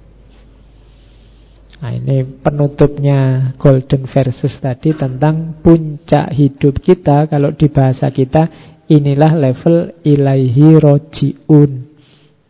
Kembali lagi pada Allah. Tadi kalimat nomor satu kan dengan nama Tuhan sembahlah Tuhan. Dari Allah nanti kembali ke Allah lagi jadi innalillahi wa inna ilaihi rojiun. Tadi setelah menyebut nama Allah terus membereskan batinnya, hidup sosial kita, sampai tubuh kita, sampai kita muhasabah dan seterusnya, diakhiri kembali lagi ke Allah. Jadi ayat-ayatnya Pitagoras ini rasanya sangat religius, sangat spiritual. Meskipun zaman itu ya Islam belum ada, mungkin formal Kristen juga belum ada dan seterusnya. Jadi inilah gagasan-gagasan kebijaksanaan-kebijaksanaan dari seorang Pitagoras. Masih luas pandangan-pandangannya di banyak referensi masih banyak ada sumber-sumber yang bisa kamu download gratis kalau hari ini secara online termasuk buku-buku yang ditulis tentang Pitagoras karena Pitagoras sendiri tidak meninggalkan karya original yang ditulis dia langsung.